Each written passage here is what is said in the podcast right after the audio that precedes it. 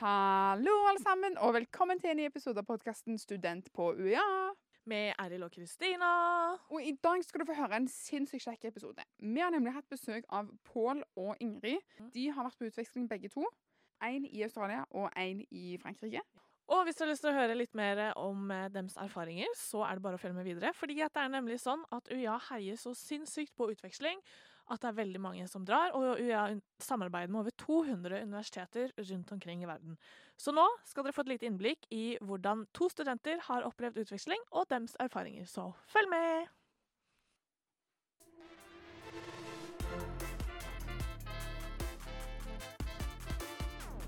Og nå er vi her med første gjest Ingrid. Hei, velkommen til oss. Hei, tusen takk. Nå er jeg så spent på å høre om eh, hvordan din utveksling har vært. Men før, jeg, eh, før vi hopper inn i det, så lurer jeg bare litt på Kan du fortelle kort om deg sjøl?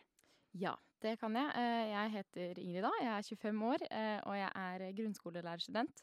Studerer på femte og siste året nå. Har eh, gått et årsstudium i idrett, også her på UiA, før jeg starta på grunnskolelærerutdanning. Og trives veldig godt med det. Eh, gleder meg jo veldig til å etter hvert begynne å jobbe. Eh, Men eh, har trivdes veldig godt med studenttilværelsen så langt. På fritida så er jeg glad i å trene, være aktiv og oppleve nye ting, reise. Så det blir jo veldig bra å fortelle litt om utvekslingsopplevelsen min her i dag. Kjempebra.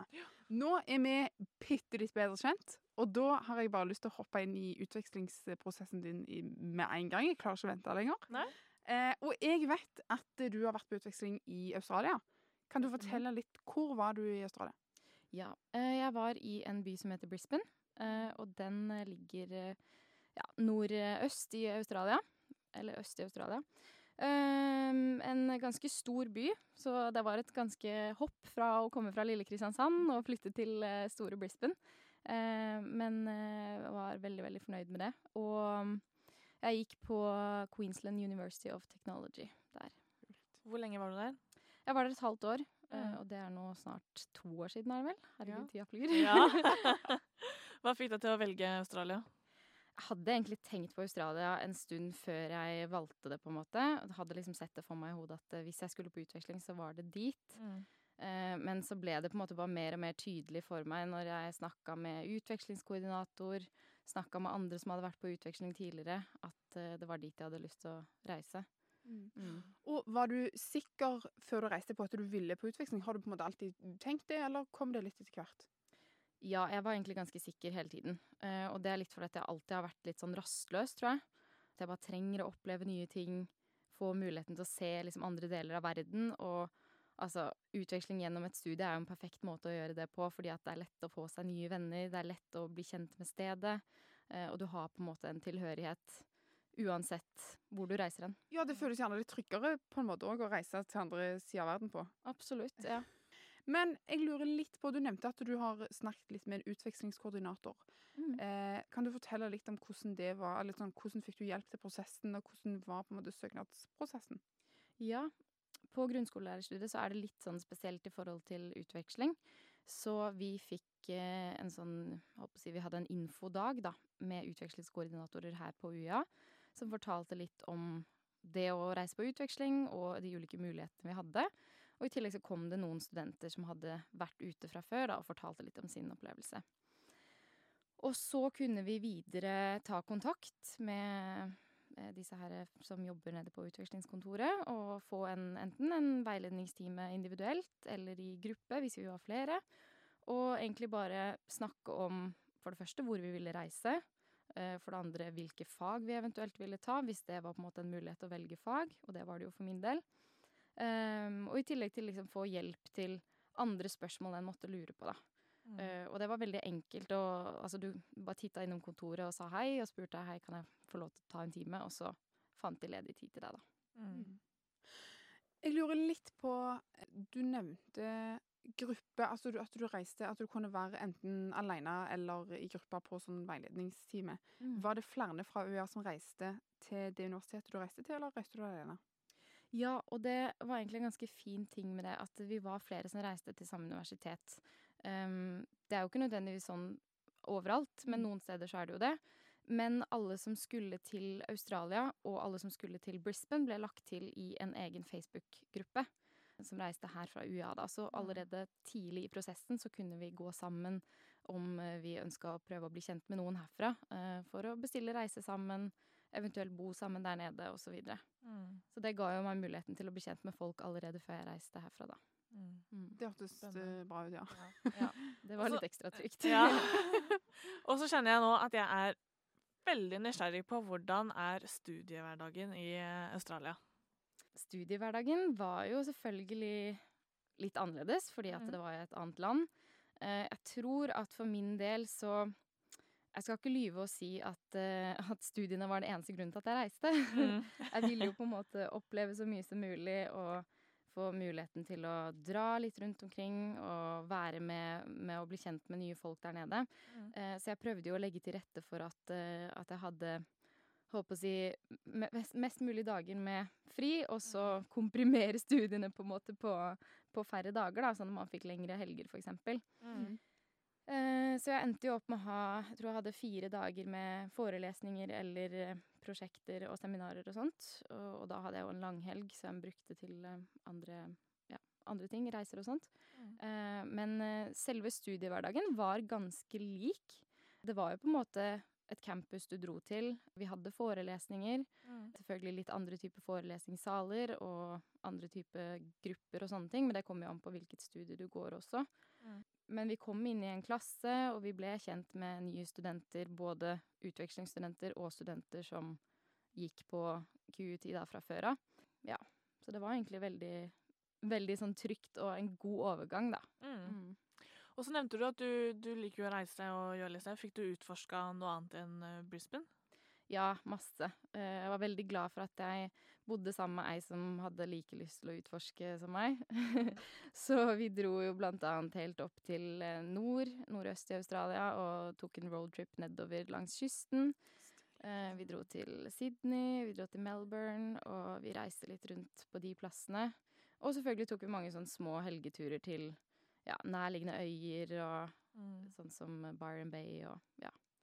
Fantastisk. Det høres sinnssykt spennende ut. Ja. Og når du eh, forteller om alle disse reisene, så tenker jeg å nei, hvordan betaler du for dette? Fordi, altså, er det sånn, Når du reiser på utveksling, da måtte du altså, spare opp noen penger? Måtte du betale skolepenger? Hvordan fungerte alt det økonomiske for at du skal kunne få, du skal kunne få reise og sånne ting? Mm. Jeg var jo egentlig ganske klar over på forhånd at eh, Altså, jeg har jo jobb her eh, ved siden av studiene fra før av, og vet at på en måte økonomien min er deretter. eh, at jeg er vant til å jobbe og, og ja, bruke penger ut ifra det. Så jeg visste med meg selv at eh, når jeg reiser på utveksling, så har jeg ikke, mest sannsynlig ikke muligheten til å jobbe, og da må jeg spare meg opp litt penger på forhånd. Så det var jeg klar over, sånn at jeg kunne ha en liten buffer eh, og bruke på en måte penger på det jeg hadde lyst til, og ikke kjenne på denne 'åh, her må jeg spinke og spare', eller Mm. 'det kan jeg ikke ta meg råd til'. Eh, så jeg brukte nok sikkert eh, si høsten på forhånd, da, for jeg reiste på vårsemesteret, til å liksom spare opp litt ekstra og sette på en egen konto som jeg sparte til, til utvekslingssemesteret. Det gjorde jeg. Mm. Eh, når det kommer til skolepenger, så er jo dette noe mange sikkert bekymrer seg for, men det er noe Lånekassen dekker. Mm. Eh, og også i mitt tilfelle så gjorde det jo det, selv om det selvfølgelig er noe som jeg må betale ned i senere tid, så vil jo dette også bli på samme måte som man får dekket eh, husleie og, og alle disse tingene i studielånet i Norge, så, Mm. så vil det på en måte bli det samme når du er i utlandet, da bare at du får skolepengene dekka i tillegg. Ja. Eh, så i tillegg så vil du da, hvis du består eksamen, så vil du få 40% av det omgjort til stipend. Mm. Mm. Så det var ikke noe jeg tenkte på egentlig, Nei. etter at selve søknadsprosessen der også var gjort. Fint. Em, bare for å spesifisere. Du får altså eh, stipend og lån som vanlig i, eh, på utveksling. Og så får du skolepenger dekket i tillegg. Ja, Det gjør du. Så, og så er det jo noen steder som har gratisplasser. På mitt universitet, eller der jeg skulle reise og gå på universitet, så hadde de ikke gratisplasser i form av skolepenger da, akkurat da. da. Eh, så jeg fikk ikke muligheten til det. Men igjen så er det på en måte Det er liksom ut av verden med en gang du har fått søkt til Lånekassen om det, Mm. fordi at du vet at du, du på en måte trenger ikke å tenke på det før etter du er ferdig å studere, og da, Ja. da har du jo muligheten til å betale det ned. Ja. Og så tenker jeg òg at det er en sinnssykt gøy investering. Absolutt. Mm. Jeg tenker jo er det én ting man skal investere i, så er det jo nettopp det. 100 Ja. Og eh, jeg syns i hvert fall at det er litt sånn skummelt når vi snakker om skolepenger og liksom sånn økonomi og Lånekassen og sånne ting. Men så vet jeg òg at det er sinnssykt mange flotte folk som jobber på utvekslingskontoret her på øya, som hjelper oss med, med akkurat dette som vi gjerne syns er litt vanskelig. Em, fikk du noe OK hjelp eh, du når du reiser på utveksling, eller? Ja, absolutt. Eh, og etter disse her veiledningstimene i forhold til hvor jeg skulle reise og sånn, så ble det jo på en måte oppfølgingsveiledning da, med tanke på hvor eh, går jeg fram for å søke, hvordan gjør jeg det? Eh, og så ble jeg også satt i kontakt med en kontaktperson på QUT, altså universitetet jeg skulle dra på. Sånn at på en måte en eh, koordinator der overtok liksom prosessen når jeg hadde kommet meg fra det å søke fra UiA og så til over til QUT og få liksom hjelp med fagene der, hvilke fag skulle jeg velge, hva passa med min timeplan osv. Mm. Um, og det, alt det fikk jeg på en måte hjelp til, så jeg følte ikke på noen måte at jeg satt på egne bein, eller sto på Mm. egne bein der alene. Så bra. Og så er jeg litt nysgjerrig på Det høres ut som at det å dra på utveksling er jo helt fantastisk. Og det tviler jeg ikke et sekund på. Men jeg er litt nysgjerrig på hvordan er det å komme hjem igjen etter utveksling? Godt spørsmål. um, skal jeg være helt ærlig, så synes jeg faktisk det var litt deilig. Eh, og det har nok litt med at på en måte Ja, jeg fikk vært borte i ca. fem-seks måneder. Fikk tid til å savne familie og venner, interessene jeg har hjemme, og liksom alt jeg er vant til her hjemme. Eh, og når du da skal reise fra en plass du har studert og fått deg nye venner, så er det selvfølgelig trist. Mm. Men det er også litt godt å kjenne på at jeg savner det hjemme. Det skal bli godt å komme hjem til det. Mm. Uh, så jeg, man kan jo på en måte si at når man kommer hjem, så får man en liten sånn kjærlighetssorg yeah. for at eventyret er over. Mm. Uh, men man sitter jo bare igjen som regel med gode minner og kan tenke tilbake på det. Og ja, jeg er veldig, veldig glad for at jeg har gjort det, selv om, selv om det er litt kjipt når man skal dra fra det, selvfølgelig. Ja. Mm. Jeg skjønner det. Og så nevner du at du sitter igjen med mange gode minner. Altså, Hvilke gode erfaringer er det du har med deg fra det å dra på utveksling?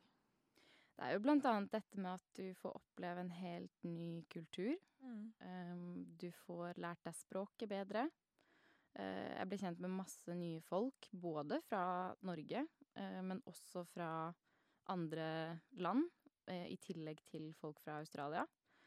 Og ja, altså alle mulige reiser, opplevelser fra ulike arrangementer. Det å leve i en skikkelig, skikkelig stor by i forhold til å være vant med lille Norge. Mm. Det er jo et helt annet eh, system, på en måte. Mm. Og det å bo i en stor by, er det, var det skummelt, eller var det lett å komme inn i det sosiale miljøet, eller hvordan opplevde du det? Jeg syns det var eh, Jeg syns ikke det var skummelt. Selvfølgelig kan man jo tenke at eh, oi, dette var litt overveldende, på en måte. Men alt i alt så tar det kort tid fra du kommer dit og liksom får landa litt, til du blir kjent med folk. Og spesielt når du skal studere noe, for da er det liksom fadderuke, og det er ja, ting som skjer med en gang, da. Jeg sitter jo igjen med et litt sånn tullete spørsmål, gjerne. Men jeg lurer på, Ingrid. Kunne du tenkt deg å anbefalt utveksling til nye studenter? Jeg kan absolutt anbefale å reise på utveksling. Ja. Det er eh, en av de beste tingene jeg har gjort. eh, eller en av de beste valgene jeg har tatt under studietida. Så jeg er Mm. veldig fornøyd med det. Mm. Så kjekt! Det har vært eh, veldig spennende å, å høre. Jeg vil også til Australia. Ja. Nå har de åpna igjen. Ja. Men jeg tror da at eh, vi sier eh, tusen takk for at du kom, eh, Ingrid, og delte dine erfaringer. Og så skal vi rett og slett videre til eh, Pål, som også skal dele sine erfaringer fra å ha vært på utveksling i Frankrike.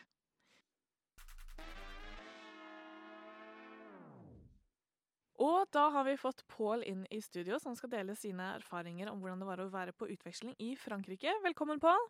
Takk, takk. Kan ikke du begynne å fortelle litt kort om eh, deg selv? Ja, eh, mitt navn er eh, Pål Øymoen. Jeg er nå 27 år gammel, på feil side av 25. Og har tatt en mastergrad i filosofi her på UiA. Mm. Eh, og i tredjeåret, altså breddeåret i bacheloren min, så valgte jeg å ta to semester i Toulouse i Frankrike. Ja.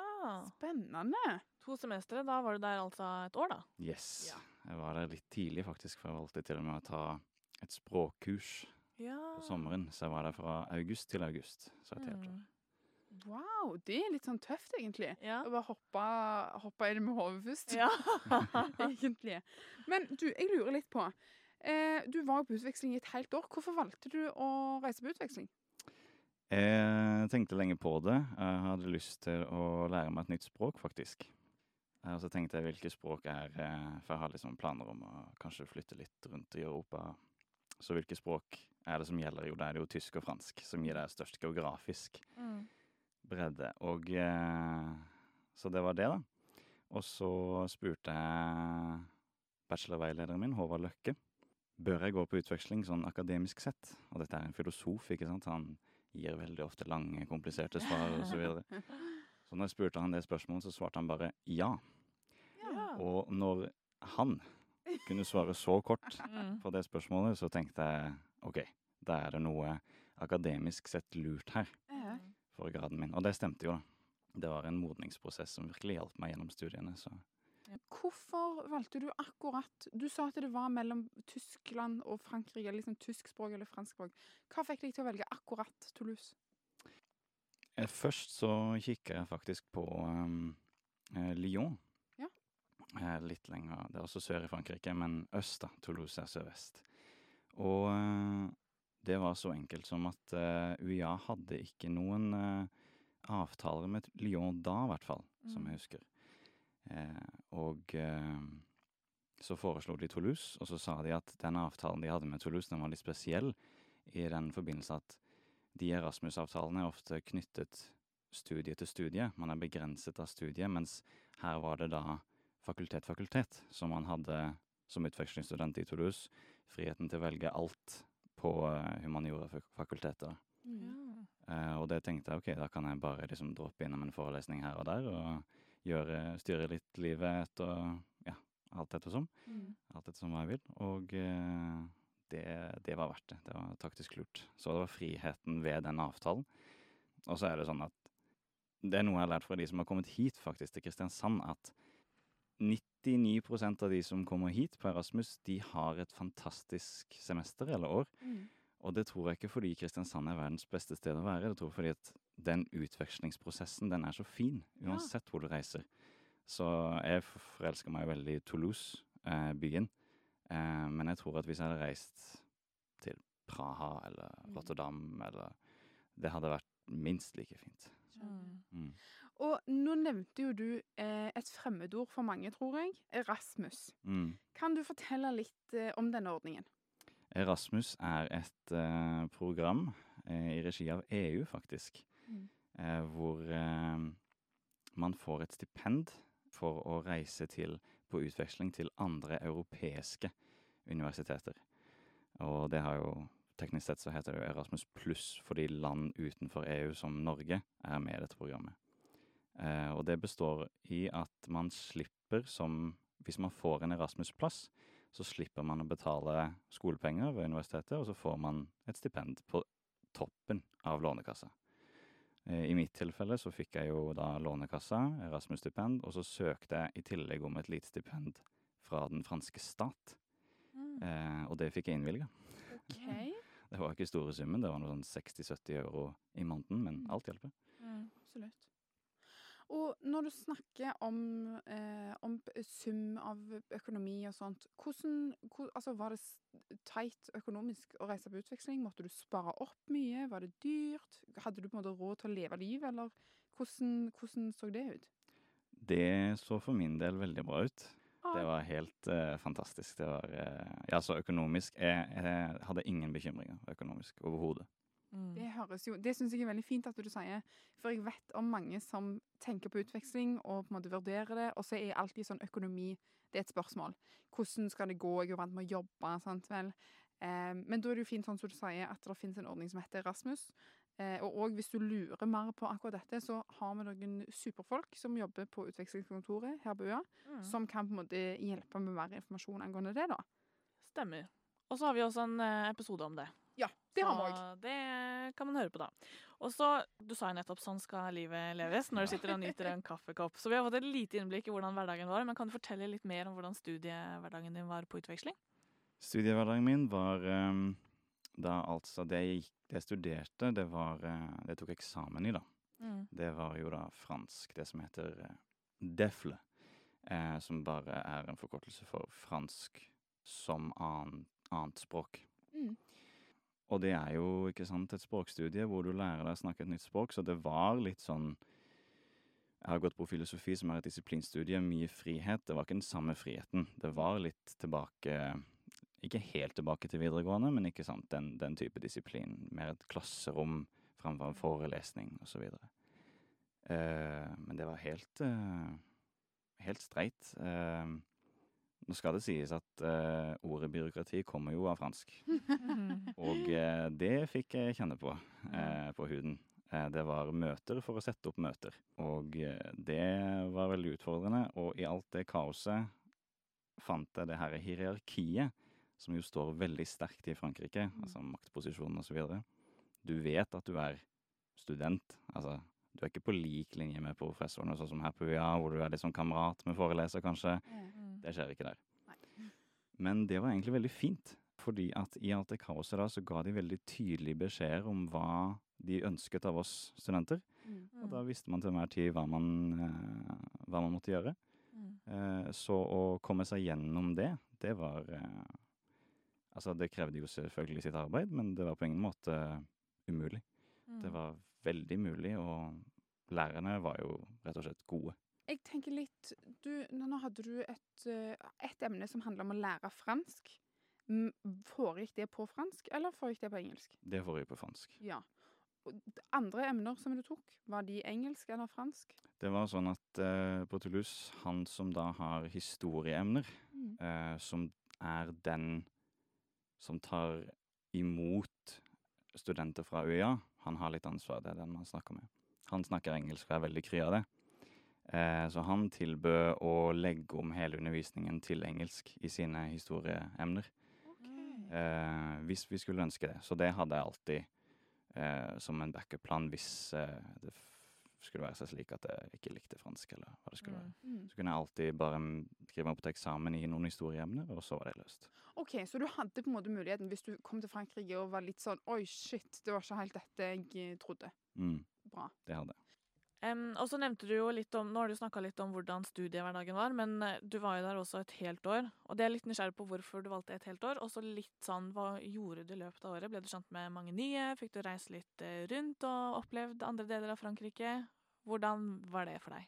Så hvorfor jeg valgte et år først? Eh, snakket litt med andre både som kom inn på øya, og som hadde reist fra UiA før jeg, før jeg reiste, eller før jeg startet prosedyren.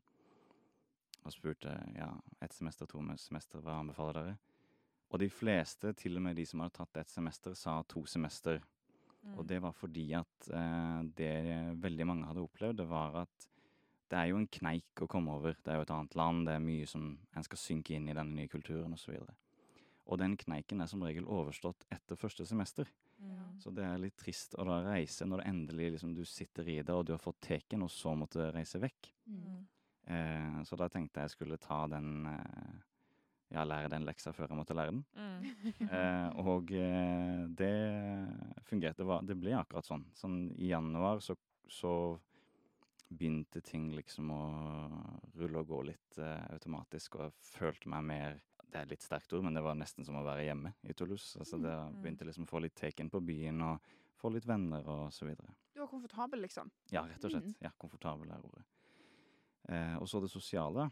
Det er jo en storby, Toulouse. Det er Frankrikes fjerde største by. Og det er jo alltid noe som skjer. Mm. Det som er så flott med å bo på et sånt sted, det er at man trenger jo aldri å planlegge noe som helst. Og jeg er ikke så veldig flink til å planlegge. Så det som ofte skjedde, var at jeg kjente Satt kanskje og jobba med noen studier og noen greier og tenkte nei, nå er jeg lei av dette, nå vil jeg finne på noe. Men jeg vet ikke hva. Jeg vil bare Et eller annet, liksom. ja, et eller annet, hva som helst. Mm. tok meg ofte en tur ut, og det kunne ende i en rusletur rundt i det historiske senteret. Det var jo helt fantastisk å bare være som flanør og bare rusle rundt i gatene. Mm. Og så en gang når jeg gikk ut, og så plutselig så var det da en, en fire meter høy sånn derre Hva heter det? Sånn derre menneskeoverkropp, og så taur, er det ikke det? Kentaur? Hestebein. Ja. Ja, Er ikke det kentaur? sikkert. Ja, ja, en sånn, eh, altså en robot, en sånn svær greie. Så var det tydeligvis Jeg hadde sett det på plakater rundt i ukene før.